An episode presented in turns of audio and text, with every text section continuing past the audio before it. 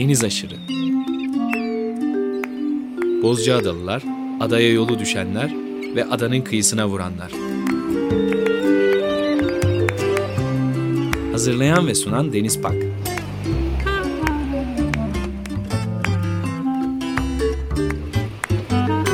Türkiye için rüzgar enerjisi üreten Demirer Enerji'ye katkılarından dolayı teşekkür ederiz. 94.9 Açık Radyo'da yeni bir Deniz Aşırı programıyla tekrar birlikteyiz. Herkese merhaba. Bu hafta programda konuğumuz bizim çok sevgili bir dostumuz, bir yazar Şebnem İşi Güzel'le beraberiz. Hoş geldin Şebnem. Hoş bulduk. Merhaba. Merhaba. Bir açık havada yapıyoruz programı. Bir adadan yapıyoruz, Bozcaada'dan yapıyoruz. Evet. Anadolu'ya bakarak gerçekleştireceğiz. Evet, hep Açık Radyo'da, stüdyoda katıldım. İlk defa Açık Hava'da bir radyo programına katılıyorum. Çok güzel. Açık Hava Stüdyosu. Evet. Aslında Açık Radyo... Açık Radyo hep böyle olmalı. Açılmalı. bence de. Bence de. Manzaralara. Ben... Ama açıyor aslında tabii ki. Yani dinleyerek o manzaraları açılıyoruz aslında değil mi? Yani her şey kafamızın içinde, zihnimizin içinde. Bunu karantina günlerinde daha da net gördük. Neyse ben evet. çok hızlı daldım. ya çok iyi yaptın. Çok Açık iyi yaptın. Olunca sanki stüdyo gibi değilmiş gibi oluyor. Evet, gerçekten küçücük stüdyodan, kapalı yerlerden de bu açıklığı elde edebiliyorsun. Bu açıklıktan çok daralan yerlere de çıkabiliyorsun ama daha da açılabiliyorsun. Biraz insanın içinde olanlarla ilgili bir şey herhalde. Evet, evet ve radyo hiçbir zaman e, büyüsünü kaybetmedi. Tıpkı edebiyat gibi. Benim çocukluğumda da bana çok yarenlik etmiştir. Hala e, sevdiğim bir şey radyo dinlemek. Ama hani radyo deyince o stüdyolar akla geliyor. O yüzden benim için ilginç bir şey oluyor şimdi açık havada böyle e, bir açıklığa bakarak konuşmak güzel bir şey. Evet, radyo çok kişisel de bir şey. Yani toplu yapı, dinlenebilecek bir şey değil. Hı hı. Herkesin radyo ile olan ilişkisi bambaşka. Çok iyi yaptınız, geldiniz. Çok sevindirdiniz bizi. Günlerdir çok güzel muhabbetler yapıyoruz. Hı hı. Şimdi de e, dinleyicilerimizle de paylaşacağız. Hı hı. Şimdi yapacağımız muhabbeti. Kısaca genelde böyle başlıyoruz. Senin de biraz hikayeni dinleyebilir miyiz? Gerçi kısacası olmayacağından eminim ama e, en azından vesikalık bölümünü duymak isteriz. Valla e, bu yıl e, 27 yıl oldu e, ben yazalı, ilk kitap çıkalı. Genç bir insan ömrü. Yani 27 yıldır yazıyorum ben, yazarım. 20 yaşındaydım ilk kitabım yayınlandığında 93'te. 73 doğumluyum. Ee, şimdi e, yani e, o yaştan daha büyük bir yaşta bir kızım var. Ee, ama kendimi hep aynı heyecanda hissediyorum. Yani garip bir şey. Hep e, sanki ilk defa yazıyormuşum.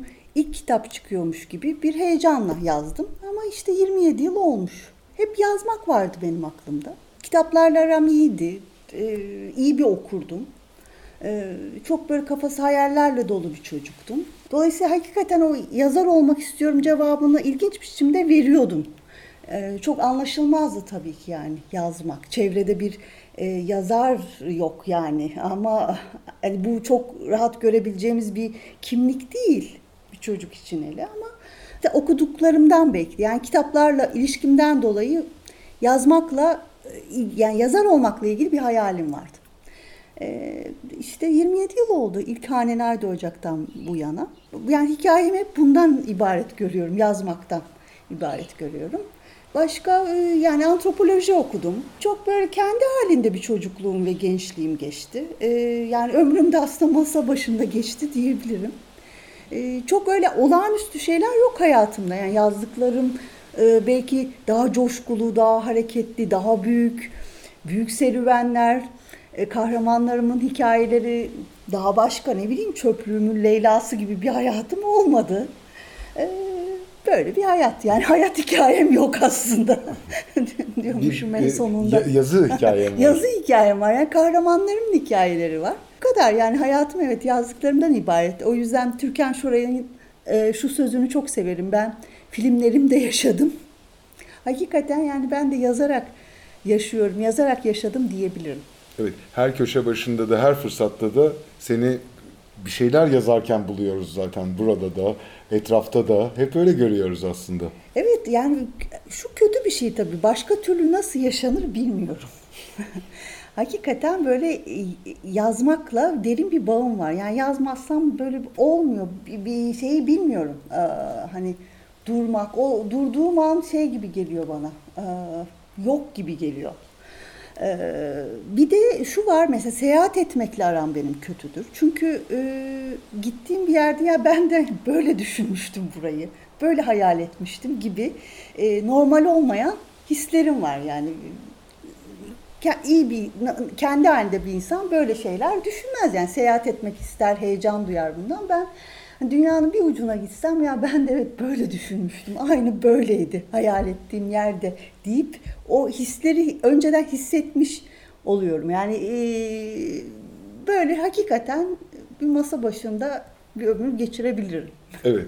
E, peki hayalini e, şaşırtan, umduğunu dan fazlasını ya da azını bulduğun seyahatler oluyor mu? Mutlaka oluyordur. Ee, O evet. kadar da değildir yani. Tabii e, bir kere tabii şu var yani hakikaten çocuklar, aile e, onların e, en azından yaz programlarına ben de ayak uyduruyorum. Yani o dünyadan çıkıyorum. O güzel bir şey. Yoksa hakikaten hastalıklı bir şeye de dönüşebilir. Çok kapanabilirim.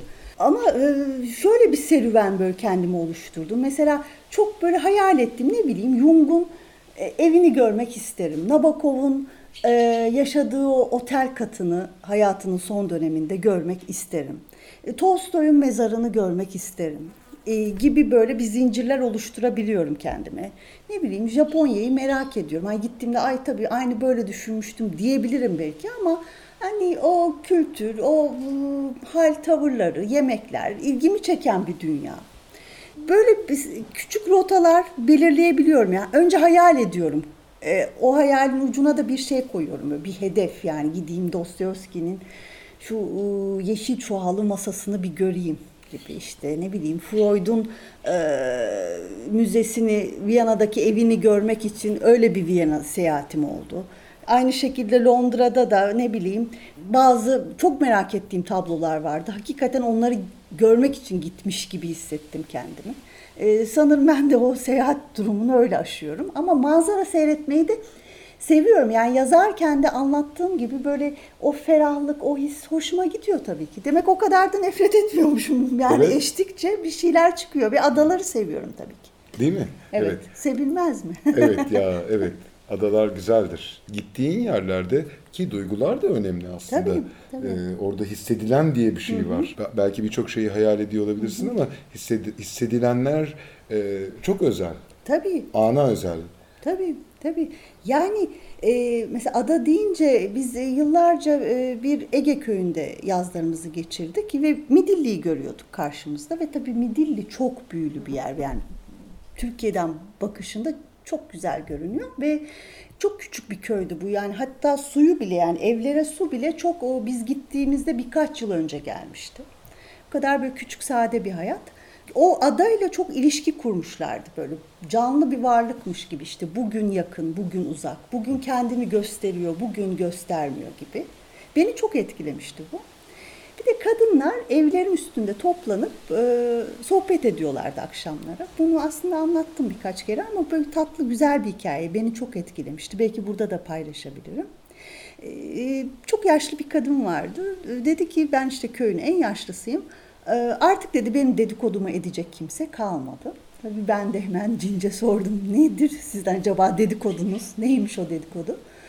Ben de dedi karşıya dedi herkes gibi bakıyordum ama dedi ben daha sevdalı bakıyordum dedi. O yüzden dedi kocam bu duruma dedi çok kızdı dedi. Ee, orada da zaten gavurlar yaşadığı için dedi. Tabii bu din ayrılığı da büyük bir e, husumet e, o doğal hayatta. E, bizim evimizi ters yaptırdı dedi. ben dedi dolayısıyla evden göremiyordum karşıyı, adayı. Ee, ben ama dedi çok düşündüm ve bir gün ona şey dedim dedi. Onları da bizi de aynı Allah yaratmadı mı? O da dedi düşündü dedi ve bunun üzerine o kör duvarda bir pencere açtı dedi. Dolayısıyla ben adayı görebildim. Ama dedi zaten gözlerimi kapadığımda da görüyordum. Yani bu aslında böyle hakikaten bir felsefe yaptı yani düşünmüş, taşınmış kocasıyla birlikte o kör duvarda pencerenin açılması ama açılmasa da artık yattığı zaman gözlerini kapadığında görebilece görebilmesi, hayal etmesi o çok hoş bir duygu. Dolayısıyla Midilli'ye gittiğimde de hep mesela bunu düşünmüştüm. Ee, adaların böyle bir duygusu var. Evet. İslamanya. Evet, evet. Siz de bir İslamanyaksınız. evet. E, Ne şüphe. evet, aynen öyle. E, salgın hastalık döneminde hepimiz evlere kapandık. Sokağa çıkamadık, hareket edemedik. Tam aslında söylediğin gibi bir durum oldu. Evet. Orada da o kafamızın içine sığdı, eve sığdı. evet, senin hiç zorlanmadığına inanıyorum. Nasıl Evet. geçti? Vallahi aslında zaten karantinadaymışım ama tabii şu herkes için çok üzücüydü. Hem e, sağlık emekçilerinin e, çok yoğun çalışması, e, pek çok insanın tabii hayatını kaybetmesi, hastanedeki o e, süreçler, tedirginlik, insanların işlerini kaybetmesi, e, ekonomik kaygılar, e, pek çok özgürlüğün kısıtlanması. Bunlar çok zorlu şeyler. Ben e, hani masamın başında durup okumaya, çalışmaya alışıktım ama e, elbette e, öyle bir durumda değil. Yani bir normalitenin içinde bu daha güzeldi. Bir şekilde her gün e, bir turum vardı, bir şehir turu, o küçük bir tur, onu atıyordum yani yürüyüş mesafelerim vesaire. Çocuklardan dolayı dışarısıyla daha farklı bir bağ işte bir kahve içmek, e, bir parka gitmek, e, arkadaşlarımla buluşmak, haftalık bazı rutinlerim vardı. Onlar da tabii o süreçte yok oldu ama daha önemli şeyler vardı. İnsanların daha büyük dertleri vardı. E, o kapanma durumu tabii e, sevdiğim bir şey olarak çalışma durumumu daha da hızlandırdı. Ama bir yandan da hani o kadar böyle içe kapanık bir insan olarak bir yazar olarak e, şey coşkusu da verdi. Yani bitsin şu günler kendimi atacağım sokaklara, eve girmeyeceğim. İşte bir vapura bineceğim, işte bütün boğazı turlayacağım gibi e, hayallere ben de kapıldım. E, Acısını bütün-. Evet, sevdiklerime gideceğim, ev, herkesin evine gideceğim, işte insanlarla buluşacağım, bütün davetleri kabul edeceğim gibi böyle bir e, coşkuya, hayale kapıldım. E, ama güzel çalıştım tabii ki. Kimi insanlar evlerinde çalışması gereken insanlar bile bazen çalışamadılar. O Evet. kapalı olma ve hep kapatılma e, duygusu insanlardaki çalışma isteğini de aslında bir yandan bitirdi. Konsantre olamadılar. Evet. Ama dünyasını beyninin içinde gezdiren e, senin gibiler için harika olmuş gibi hissediliyor. Evet böyle daha fazla oturdum ve çalıştım ama mesela pek çok yazar arkadaşım kilitlendiğini söylüyordu. Yani hakikaten bir şey yapamadığını, e, çalışamadığını söyleyenler de vardı ama benim ömrüm boyunca yani rutinim bu. Yani 27 yıl bir masa başında, daha öncesinden de öğrenciyken de çok severdim. Yani oturup çalışmayı. O, o açıdan evet zorlamadı beni kapanma hali. Neler yaptın? ne- Nasıl şeyler ya- yazdın? Biraz bize bahseder misin Evet. onlardan? Aa, bir kere yazdıklarım ilginç bir hız kazandı son yıllarda. Böyle garip bir hız. Belki bu hep yani yazmakla da ilgili yani bunca zaman bir mesleki bir tecrübe de ya da hakikaten nörolojik bir bağı da vardır bunun. Hani bir, bir işi yapıyorsun. Zihninde onu artık kolayca kurabildiğin, yerleştirebildiğin bir hale getirebiliyorsun. Bundan dolayı böyle bir hız kazanmıştım zaten. Ee, bir romana zaten başlamıştım. Bu ama bayağı böyle büyük bir şey e, olacak. Yani öyle e, biraz böyle romanlar benim için böyle sayfa sayılarını kafamda aşağı, aşağı yukarı bilirim. Yürüyeceğim yolu bilirim o zaman. Ve bu şaşmaz ilginç bir biçimde. Ee, yani sürpriz hikayeler elbette yazarken çıkıyor yani başını sonunu ortası biliyorum o elimde bir harita var ama hani bir yola çıkıyorsunuz o yolda bazen fırtına olmayan bir ada karşınıza çıkıyor sular çekiliyor gibi bir serüven yazmakta. Ama biliyorum o sayfa sayısını öyle büyük bir şeye girişmiştim Ee, onu yarıladım aslında onu yarıladım ve sonra böyle şey dedim ya bu hani e, büyüdükçe büyüdü. E, Böyle birden o yap, yazdığım şeyden korktum yani. Çok dev bir şey. E, bir böyle bir bırakmak istedim. Böyle heyecanlı, iki tatlı, yani ben yazarken tatlı diyorum ama konu itibariyle çok da en azından birisi tatlı değil ama biz yazarlar böyle hani yaptığımız işi severek yapınca o yazdığımız ne olursa olsun e, onu tatlı diye kodluyoruz tabii ki. İki öyle bir hikaye vardı aklımda. İki e, küçük roman olarak düşündüğüm şey vardı. Onları yazdım. Yani iki küçük roman yazdım ayrıca. Onları bitirdim. Sonra büyük işe döndüm ve ay dedim çok güzel yazmışım. Okudum.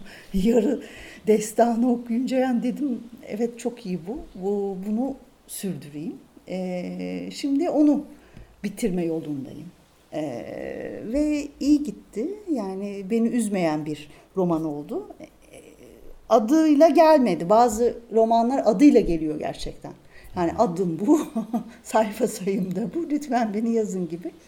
E, bu kitap, e, bazı kitaplarda böyle şey bir sürü farklı isim. Yani kirpiklerimin gölgesinde de öyle olmuştu. Adını bir türlü bulamamıştım. Ama Venüs bir aile tarihi, bir yaşam öyküsü alt başlığıyla o geldi yani. Alt başlığıyla birlikte o kitap geldi. Çöplük adıyla gelen bir romanımdı. Sarmaşık öyle. Ama bu, bu kitap e, adıyla bir türlü gelemiyor böyle. Kafamda bazı seçenekler var. E, Böyle ona devam ediyorum. E, Ama böyle yaz güzel bir ara oldu. Bir nefes almak gibi bir tatlı bir ara oldu. İşte adanıza konuk olduk. Harika. Bir çırpıda biteceği anda da eminim o masaya oturacaksın. Evet evet buradan o rüzgarı hayalleri yüklenip daha kolay oturacağımı düşünüyorum. Harika, harika. Bir müzik arası verelim. Ee, çok güzel müzikler seçtik bugün dinleyicilerimizle paylaşmak için. Salgın hastalıktan bahsettik. Bir doktor parçasını Hı, dinleyelim. güzel. Aman doktor. Geçen haftalarda bir örneğini çalmıştık. Dimitris Mistakidis'in bu sene çıkarttığı Amerika albümünden bir parçayı dinleyeceğiz. Çok yakından tanıdığımız bir parça. Doktor, üslubu Dimitris Mistakidis üslubuyla dinleyeceğiz. Ee, müthiş bir yorum. Dinliyoruz. 94.9 Açık Radyo'da Deniz Aşırı programına Şebnem İşi Güzel'le sohbetimize kaldığımız yerden devam ediyoruz. Çok güzel bir parça dinledik. Dimitris Mistakidis'ten Doktor ve çok iyi bildiğimiz bir parçanın e, Mistakidis yorumunu dinlemiş Çok olduk. Güzel bir şarkı. Yani e, bizim de Ege'de e, radyomuz e, tabii e, Midilli'den e, e, Midilli radyosunu çekiyor. Çok iyidir Dolayısıyla Midilli evet radyoları. çok güzel. E, o e, ara jenerik müzikleri de çok güzel. Hiç değişmiyor tabii ki. Alameti farikası onların. Her meşrebe göre kanalları vardır. Var evet. E, reklamları var. E, ve o bizle benzer tabii sözcükler. Çok e, bir de neşeli bir dil tabii ki. Çok oyuncaklı tatlı bir dil. Evet, fonetiği de çok evet, güzel. çok güzel. E, benim için de böyle hep e, iyidir oradan gelen şarkılar. Yazdır, neşedir, eğlencedir, güzeldir. Evet. Bizim adamızı nasıl buluyorsun? Bu kaçıncı gelişin? Ben bir bölümünü biliyorum hikayenin ama e, senin ağzından dinlemeyi tercih ederiz. Ha, ben Bozcaada'yı e, geç keşfettim yani çok e, iki yıl önce geldim ilk kez. Çok şaşırdım. Çok güzel bir ada. Hiç böyle düşünmemiştim demek. Hayallerde yanılabiliyor insan.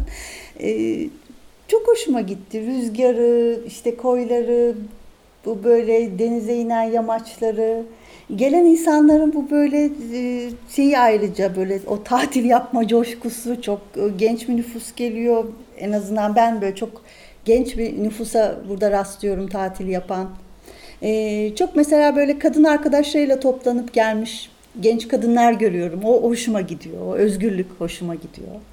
Bir rengi var, kokusu var. O üzümden, bağlardan dolayı, şaraptan dolayı gelen bir tadı var. Çok güzel bir duygusu var. Ee, yani buraya gelmek hoşuma gidiyor hakikaten. Her yıl e, gelmeyi hayal ettiğim bir yer. Rüzgarı var. evet, Rüzgar Evet. coğrafyaya bile şekil vermiş Bozcaada'da. evet, evet, evet. Yani e, ki rüzgar bir de hakikaten yaza çok yakışan, ferahlatan da bir şey. E, bu adanın ama hakikaten e, şey karakteri, karakteri olmuş. Sevdim Bozcaada'yı. Daha önce e, İstanbul'da tabii Büyükada'da kalmıştık. E, Büyükada'da tabii çok kendine has bir yer. E, Kızımın küçüklüğünde hatta böyle Matlit Manukya'nın evinin böyle yanından denize girerdik ve Matlit Manukya'nın e, bahçesinde bir Venüs heykeli vardı. İşte kızım o zaman küçüktü böyle kapıda saatlerce beklerdik onun e, kıpırdadığını e, o iddia ederdi. Ve Marmara da çok güzel bir deniz tabii ki ve özellikle rüzgarla temizlendiği zamanlarda. E, bir ada hikayemiz de odur. Ama Bozcaada tabii tam yaz. Kışını bilmiyorum ama o yaz duygusu çok güzel. e, Kışında adanın. Kuzey Avrupa gibi oluyor. Ha öyle mi? Çok biraz kasvetli bir yer oluyor. Ama çok güzel yani çok geniş alanlarda az insan oluyor. Ve ben hiç bulunmadım Kuzey Avrupa'da ama hayal ettiğim, senin gibi hayal ettiğim, orada karşılaşacağımı umduğum bir yalnızlık duygusu burada çok derinden hissedilebiliyor. Bir de tabii coğrafyalar hakikaten şiirle, müzikle ve edebiyatla da gezilebiliyor. Ee, Ben de Kuzey Avrupa'da bulunmadım ama mesela edebiyatıyla bulunmuş gibi hissediyorum. Ee, Hakikaten nasıl bir duyguyla yaşanır orada? Yazı kışı nasıldır? Onu e, insan hissedebiliyor. Böyle yakın zamanda okuduğum e, kuzeyden çevrilmiş e, bir romanda işte yaz diye denize gidiyorlar ama yaz dedikleri tabii ki 24-23 derece. Ee, ama yine bir göl kıyısındalar. Üşümek, ürpermek gibi bir duygu ama onların yazı. Ee, çocuklar sudan çıkınca üşüyor. Ee, çok e, başka bir yaz, çok güzel anlatılmış bir yazdı. O yüzden e, hakikaten coğrafyalar bize bazen e, dediğim gibi edebiyatla, müzikle, şiirle geliyor. Sinemayla geliyor, tiyatroyla geliyor. Bozcaada da herhalde bir şiir olabilir yani. Evet, olabilir gerçekten. Değil mi? Evet, şiire daha yakın. Ne bileyim İstanbul adaları hakikaten öyküleriyle var. Ee, Bodrum benim için Halikarnas balıkçısıyla var. İşte e, Adana, Çukurova, hakikaten Yaşar Kemal'le var. Ee, Kemal Tahir'le var. Ee, Bu duygu çok güzel. Evet. Bir müzik arası daha verelim. Tam buna uygun olacağını düşündüğüm bir parça seçtik. Bundan sonra konuşacağımızda adalar konusuna da uygun olacağını düşünüyorum. Bir müzisyenin gözünden e, Bizim Adalar albümü. Nedim Hazar'ın yaptığı nefis bir belgesel. Bütün dinleyicilerimize, izlemeyenlere tavsiye ediyoruz. Mutlaka izleyin. Buradan bir parça dinleyeceğiz. E, Nedim Hazar, Vasiliki Papagorgio, Taner Öngür ve Engin Arslan parçalarının ismi Adalar Bizim. ah ne güzelmiş. Dinliyoruz. 94.9 Açık Radyo'da Açık Hava Stüdyosu'ndan Şebnem İşi Güzel'le sohbetimize kaldığımız yerden devam ediyoruz. Adalar Bizim parçalarını dinledik. Nedim Hazar'ın hazırladığı Bir Müzisyenin Gözünden Bizim Adalar belgeselinin müziklerinden birisiydi. Nedim Hazar, Vasiliki Papagorgio, Taner Öngür ve Engin Arslan dörtlüsünden dinledik parçalarını. Adalar konuşmaya da devam ediyoruz. Bozcaada'yı konuşmuştuk biraz kısaca. Belki gene değiniriz. Ee, adalarla ilgili neler düşünüyorsun? Ada senin için ne ifade ediyor? Valla evet e, ada e, alt başlığını taşıyan bir romanım var tabii ki. O e, Büyük Ada günlerinde demek ki e, biriktirmişim bir şeyler. E, Gözyaşı Konağı Ada 1876. O da aynı şekilde ismiyle beni zorlayan bir roman oldu. Bir dönem romanı. E, 1876 yılını seçmem yani özellikle bir tarama yaptım. E, hem adalara ulaşımın olabildiği bir yıl belediyecilik var Büyükada'da. Hem o görkemli konakların birbiri ardına yapıldığı bir yıl. Hem de e, Osmanlı'da tabii ki tahta e, giden gelen ve hiç taht umudu olmayan Abdülhamit'in çıktığı bir yıl ama e, bizim tabii bunlarla pek ilgimiz yok ama ben, ben romancı olarak tabii ki bir dönemi yazdığım için bu bilgilere sahip olmam gerekiyordu. Ben o yolculuğa bir genç kahramanla çıktım. Bu arada romanlarımı da hiç anlatamam. Hakikaten yazın diyeyim yazayım ama anlatmakla ilgili hep bir derdim vardır. Genç bir kahramanla o adaya geldim aslında ben de onunla birlikte. Ee, o da e, gayrimeşru bir çocuğu doğurmak üzere e, geldi 1876'da e, Büyükada'ya. Tamamlanmamış bir köşkte oturdu. Ee, yanına ailenin kalfası verildi. Ailenin erkeklerinden gizli e, gelişen bir hikaye. E, ada o, onun o kuşatılmışlığını, o sürgün halini çok güzel vurguluyordu. Yani e, özellikle o adayı seçtim. E, hem kadın olarak, genç bir kadın olarak kuşatılması, e, ailenin kadınlarının adayla ilgili hayalleri vardı. İşte o görkemli konak vesaire. Böyle annesi çok kendini parayla, gösterişle ifade eden bir kadındı. Ee, o ada hayatı ama bir yandan dışarı bit, o bitmemiş konaktan dışarı çıkmıyor böyle küçük e, bir kapanmışlık hali var. Neredeyse iki kadın arasında geçiyor uzunca bir süre. Ama sonra e, başka bir şey başlıyor. Bir aşk hikayesi başlıyor. Bir yine bir sürgün var. Dalyanlar adanın arkasındaki.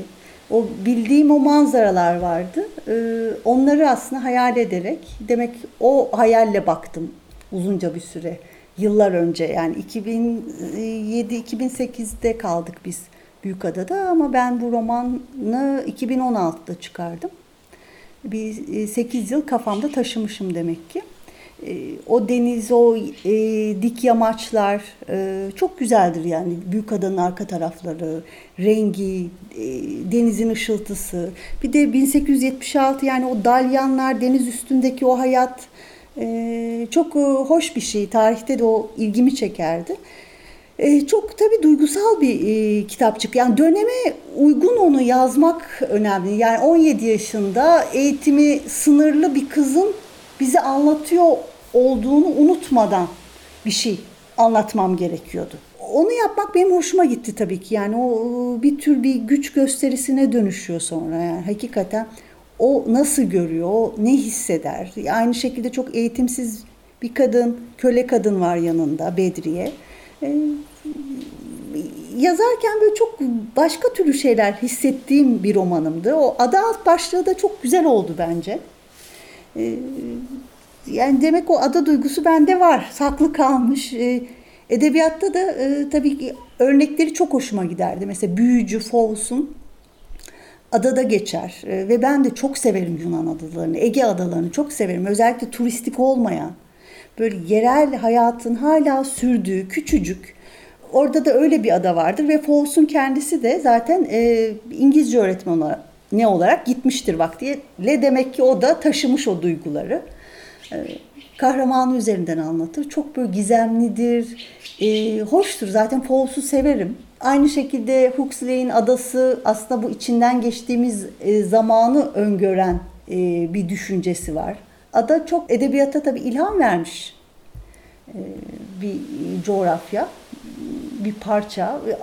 Yazmak, edebiyat da biraz öyle aslında. Ondan uğraşmak da öyle. Yani bir ada gibisiniz. Bütün her şeyle irtibatınızı kesiyorsunuz, koparıyorsunuz. Siz varsınız. Kafanızdakiler, hayalleriniz, başka hiçbir şey yok. O duygu yazarken o sağladığınız o duygu evet o ada e, durumuyla çok benziyor. Evet, bütün bunlara zemin hazırlıyor Evet. da. Evet, evet, evet düşünmeye, durmaya, ne bileyim felsefenin kaynakları, pek çok düşünürün adası, e, geldiği, kökeninin geldiği yerler. Bu ilginç bir şey. Düşünmek, durmakla ilgili bir şey. Bir dağ başında da bir ada hayal edebilirsin ayrıca. Evet. Evet. Öyle tarafları da var. Ada, Evet. Adayı her yere taşıyabilirsin. Tam Midilli'ye bakan pencere, kör duvarın e, Açılması. açılması gibi bir evet, şey bu. Evet, evet. Zihinde bir şey açıyor. Hiç düşünmediğimiz bir şey düşünmek e, gibi. Yani e, şeysiz değil aslında. Bağlantısız da değil. Güzel bir duygu, ada duygusu. Çok adada bulundun mu? Büyükada, Bozcaada, bazı Yunan adaları. Evet evet Ee, yani tatil için böyle özellikle e, bir de ada duygusu benim için yaz demek. Ee, kışın hiç yaşamadım ee, adada Ee, ama o yaz duygusunun hakikaten böyle insanların kaygısız, pervasız işte her şeyi unutmuş gibi o halleri, o duygusu da etkiliyor sanırım. Yani herkes bir iyi vakit geçirmeye gelmiş hali. O yüzden evet adaları tercih ediyorum. Ee, seviyorum adanın verdiği duyguyu. En sevdiğin adalardan bahsedelim mi? Ee, evet e, olur. Tabii İstanbul'un yani adaları çok yakın olduğu için hoşuma gidiyor. Bir de ruhumuza işlediği için belki de. Evet evet evet. Ee, yani en son bir küçük bir tarihi roman yazdım. Orada da e, bir şekilde kahramanıma şeyi gördürdüm yani o denizin üstünde e, adaları, çıplak adaları işte gördürdüm ve bir şeyler söylettirdim. Yani insanın aklı bir şekilde gidiyor adalara. E, Kınalı Ada'nın da duygusunu severim mesela. Hiç e, şey ulaşımının olmaması, fayton ulaşımı orada hiç yoktu. Ee, insanların hep sokakta olması, kalabalık olması ayrıca güzel. Çocukların sokakta oynaması, bir cıvıltısı. Hoşuma gider. Mesela süslü bir ada değildir Kınalı Ada. En süssüzüdür belki de. En süssüz evet. Ee, bir de toprağı tabii tam bakır. O yüzden tabii adını alıyor. Ama bir e, üzerindeki yaşantı e, bana böyle e, şey gelir, hoş gelir yani lezzetli gelir. Böyle insanların hep bir şeyi var, hareketi var. O hareket güzel bir şey böyle hayat, hareket etmek zaten. Bazı adaların böyle sessizliğini seviyorum. Burgaz Adayı da seviyorum. Sait Faik'in zaten verdiği bir derin bir duygu var. Bütün adaları aslında evet yazarlarıyla anınca güzel. Yani Reşat Nuri Güntekin'le anınca bir adayı güzel. Ee, büyük adanın o büyüklüğü, görkemi, işte gösterişi. Ee, o duygular hoş. Ee, Başka? Ee, Samotraki. Samotraki evet. Evet. Sizden çok dinlemiştik çünkü onları. Evet, Samotraki. Ee, çok e, turistik olmayan bir ada o açıdan güzel. Kuzeyde olması güzel. Ee, bir de ilginç bir iklimi var. Yani bir tarafı Ege'ye baktığı için Ege, bir tarafı e, bir Karadeniz gibi yani böyle bir e, çınar ağaçlarıyla dolu, şelalelerle dolu. İlginç bir coğrafyası var. Ee, bir de çok e, sakin bir ada yani. Kalabalığı yok. O, Bazen o uçsuz bucaksız plajlarda tek insan olabiliyorsunuz. Çok özgür bir ada, çok rahat bir ada. Deniz sadece deniz ulaşımıyla gidilebilen bir yeri var. E, Vato. Orada çok dik denize iniyor dağ ve e, daldığınız anda aslında bin metre önünüzde derin bir yer oluşuyor denizin dibinde. Sünger avcıları oraya geliyormuş daha çok. Ama onlar da yok tabii ki yani. E, böyle bir şey gibi ilkel bir hayat sürüyor gibi böyle e, bir tatlı su var orada. İnsanlar hamaklarıyla ya da uyku tulumlarıyla sadece gelebiliyorlar. Çok doğaya teslim. Turistik olmaması çok güzel. O yüzden beni çok etkiledi. Ve bir de ben bir yere alışmam gerekiyor gerçekten. Yeni bir yerler görmektense sevdiğim bir yere hep gitmeyi daha çok seviyorum.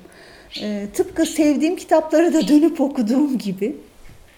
Ee, Samotraki de onlardan birisi. Yani ama herkesin seveceği bir yer değil. O yüzden dinleyicilerimiz bana da aldanmasınlar aslında. Yalınlık, yalnızlık Tercih, ve evet. natür duygusuyla ilgili bir şey ilgili bu. bir şey. Evet. Ee, çok da belki tercih edilebilecek bir şey olmayabilir çoğu insan için ama benim için o duygusu çok güzel.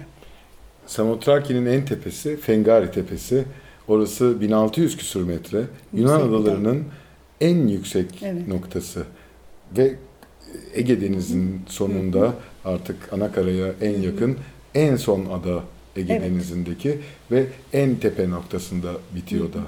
Ee, Tanrılar Troya Savaşı'nı birisi Fengari'den, birisi Kaz Dağları'ndan, birisi Gökçeada'dan, birisi Bozcaada'dan izlemişler Evet o yani savaşı. Tanrıların mesken tuttuğu yerlerde bir şey var. Onlar işlerini biliyorlardı. Bizden önce gördükleri bir şey var. Ee, burada da tabii ki yani evet e, Türkçe'de Semadirek Adası olarak geçiyor. Ee, Çok güzel bir çevirisi var bence. Samotraki ile Semadirek birbirine çok yakındı. çok yakın. Evet. Her zaman öyle olmuyor çünkü. Evet, evet. Yani o antik buluntular güzel. Çok fazla bir şey yok. Zaten o müthiş eser kaçırılmış e, şeyde e, sanırım Paris'te Louvre'da. E, Ama hakikaten bir e, geçmişle e, derin bir bağı var. E, Adaların o küçük kendi halinde kalma e, duygusu da güzel. En çok onu seviyorum sanırım. Yani e, böyle bir e, şey gibi, bir koni koni gibi zaten o hali de ilginç. Kıyılarının çok derin olması. Bir de e, insanlar çok rahat, özgür ve çok e, tasasızlar. Yani hayatla başka türlü bir bağları var. Onu görmek de insanı tabii hem düşündürüyor. Buradaki kaos, kalabalık, e, yorucu dünya. Öte taraftan orada hakikaten insanların daha rahat, daha güvende olması, özellikle kadınların rahatlığı. Güzel onu seyretmek ama e, öte taraftan hani düşünmekte acıklı oluyor. Evet. Aslında ne kadar yakın. Buradan Evet. Bozcaada'dan her gün görebildiğimiz bir ada Semadirek. Tep, Fengari Tepesi'ni görüyoruz. Gökçeada'nın arkasında biraz daha belirsiz bir silüet oluyor. Bazı güzel havalarda çok net gözüküyor. Ee, se- hatta araba farları bile görebiliyoruz oraya çıkan. Çok net e, havalarda. Her zaman olmuyor ama o. bu kadar yakında bu kadar ayrı algılar, ayrı toplumlar olması da gerçekten e, çok düşündürücü. Evet, evet ve mesela bir ön yargıları yok, bir düşmanlık da yok. Çok ilginç. Ee, çok Gayet e, neşeyle, gayet dostane e, herkes karşılanıyor. O, o da beni şaşırttı. İnsanlar Aslında arasında evet. hiçbir problem yok. yok. Devletler arasında Aslında sorun evet, var. Evet. Başka menfaatler çakışıyor ve aslında o menfaatleri bireyler asla anlamıyorlar. Evet. Burada aslında buradan bakmakla ilgili bir sorun var maalesef bizde hani hakikaten e, görmediği örülen bir duvar var ama o tarafta e, o ön yargı yok. O ön yargı yok. Yani hakikaten tarih ve devletler ve siyasetle ilgili bir sorununun olduğu varlığı biliniyor ama bir e, düşmanca bir tavra hiç mesela rastlamadım. E, bir e, imaya rastlamadım. E, O belki hayatın getirdiği bir rahatlık, bir e, ermişlik diyeceğim. Yani böyle bir olmuş bitmişlikle de ilgili olabilir. Bir de çok çöpsüz bir ada, hiç çöp yok. Yani e, şurada hakikaten yani insanların bıraktıkları çöpleri görünce insan ne kadar üzülüyor. İnanılmaz bir şey orada upuzun sahiller, bomboş sahiller, bir çöp yok. Yani denizin getirdiği çöp de yok. Demek o kadar temiz ki o çevrede. O temizlik de etkiliyor beni. Çok e, su kaynakları var, ormanlar var. Çok sulak bir ada. Ve evet. e, o, özellikle ormanlar için gelen turist grupları var. Genç e, sırt çantalı turisti bol. E, çöp yok. E, O temizlik de çok güzel bir duygu tabii ki. Belki sırt çantalı turistten dolayı e, çadırıyla ya da hamağıyla küçücük bir tatil yapan e, insandan dolayı belki bu tercih ama çoğunlukta yok evet tertemiz. Sanki çok kalabalık olmamasından Sizden kaynaklanıyor gibi hissediyorum ben. Çünkü onlar da olsa burada da onların gittiği yerlerde de çok çöp görebiliyoruz. Başka Avrupa'nın başka yerlerinde de bunu görebiliyoruz. Yunanistan'ın da birçok adasında korkunç çöp yığınlarının olduğunu, belediyelerin buna yetmediğini, nefis yerlerde e, çok kötü görüntüler görebiliyoruz. Ama genelde insanlar dediğin gibi çok saygılılar ve hakikaten etraflarını pisleterek gitmiyorlar. Evet, evet. Ben çocukken çok iyi hatırlıyorum. Marmara Denizi'ne e, denize yakın evler götürüp çöp dökerlerdi. Deryadır alır götürür derlerdi. Evet, evet. Çok iyi hatırlıyorum bunu.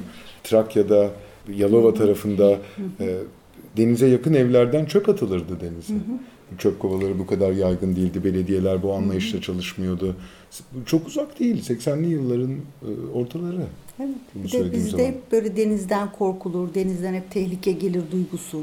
Denize kendini kapatmakla ilgili bir şey var. Dolayısıyla kirletmek de pek sorun gibi görülmüyor. Hakikaten deniz onu alır götürür. Sanki deniz bir canavar ve döktüğün çöpü de yer gibi bakılıyor. Bir de e, o adalarda aslında bir şeyler de değişmiyor. Yani olduğu gibi kalıyor. E, evlere e, ek katlar çıkılmıyor ya da sahil doldurulmuyor gibi. Tabii o nüfusla bağlantılı. Ama bir de hani hakikaten benim için değişmeyen şeyler işte küçük bir market var. E, şeylerin yeri değişmiyor. Hakikaten tuzlar e, vesaire kahveler aynı yerde ama hani benim köşe başımda İstanbul'daki markette onların sürekli yerini değiştiriyorlar ki o bildik tüketici alışkanlığı hani bir tur at ve başka şeyler de al. Ee, ama oradaki o e, şeylik, oturmuşluk, aynılık e, burada seni bekliyor bu durumu, duygusu benim hoşuma gidiyor. Herhalde o masa başındaki hissettiğim o e, güvenden sonra e, öyle bir adada demek ki e, aynı şeyi hissediyorum. Masam, çalıştığım masa gibi e, hissediyorum sanırım. Evet. Anlaşılıyor ki Samotraki rutin dostu bir ada. Evet, evet, evet, evet. Ee, yani şeylerine kadar aslında böyle hayvancıklarına kadar, e, öten kuşlarına kadar e, böyle hakikaten onlar bile bir rutin içinde ve ben o rutine gidiyorum aslında. o rutini seviyorum. Evet. Programın son bölümüne geldik. Müthiş şeyler anlattın. Çok güzel e, adalar e, dinledik senden. E, kalbini açtın, hikayelerini anlattın, yaptıklarını anlattın. Çok teşekkür ederim. Ben teşekkür ederim. Ben teşekkür ederim. Kim bilir belli olmaz. Belki ilerleyen haftalarda yeniden beraber oluruz. Tabii neden olmasın? Bu hafta program konuğumuz yazar Şebnem İşi Güzel idi. Önümüzdeki hafta Salı günü saat 11'de yeni bir Deniz Aşırı programında buluşuncaya dek hoşçakalın. Hoşçakalın.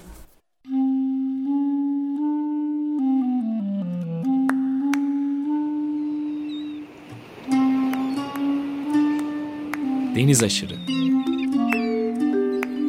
Bozcaadalılar, adaya yolu düşenler ve adanın kıyısına vuranlar. Hazırlayan ve sunan Deniz Pak.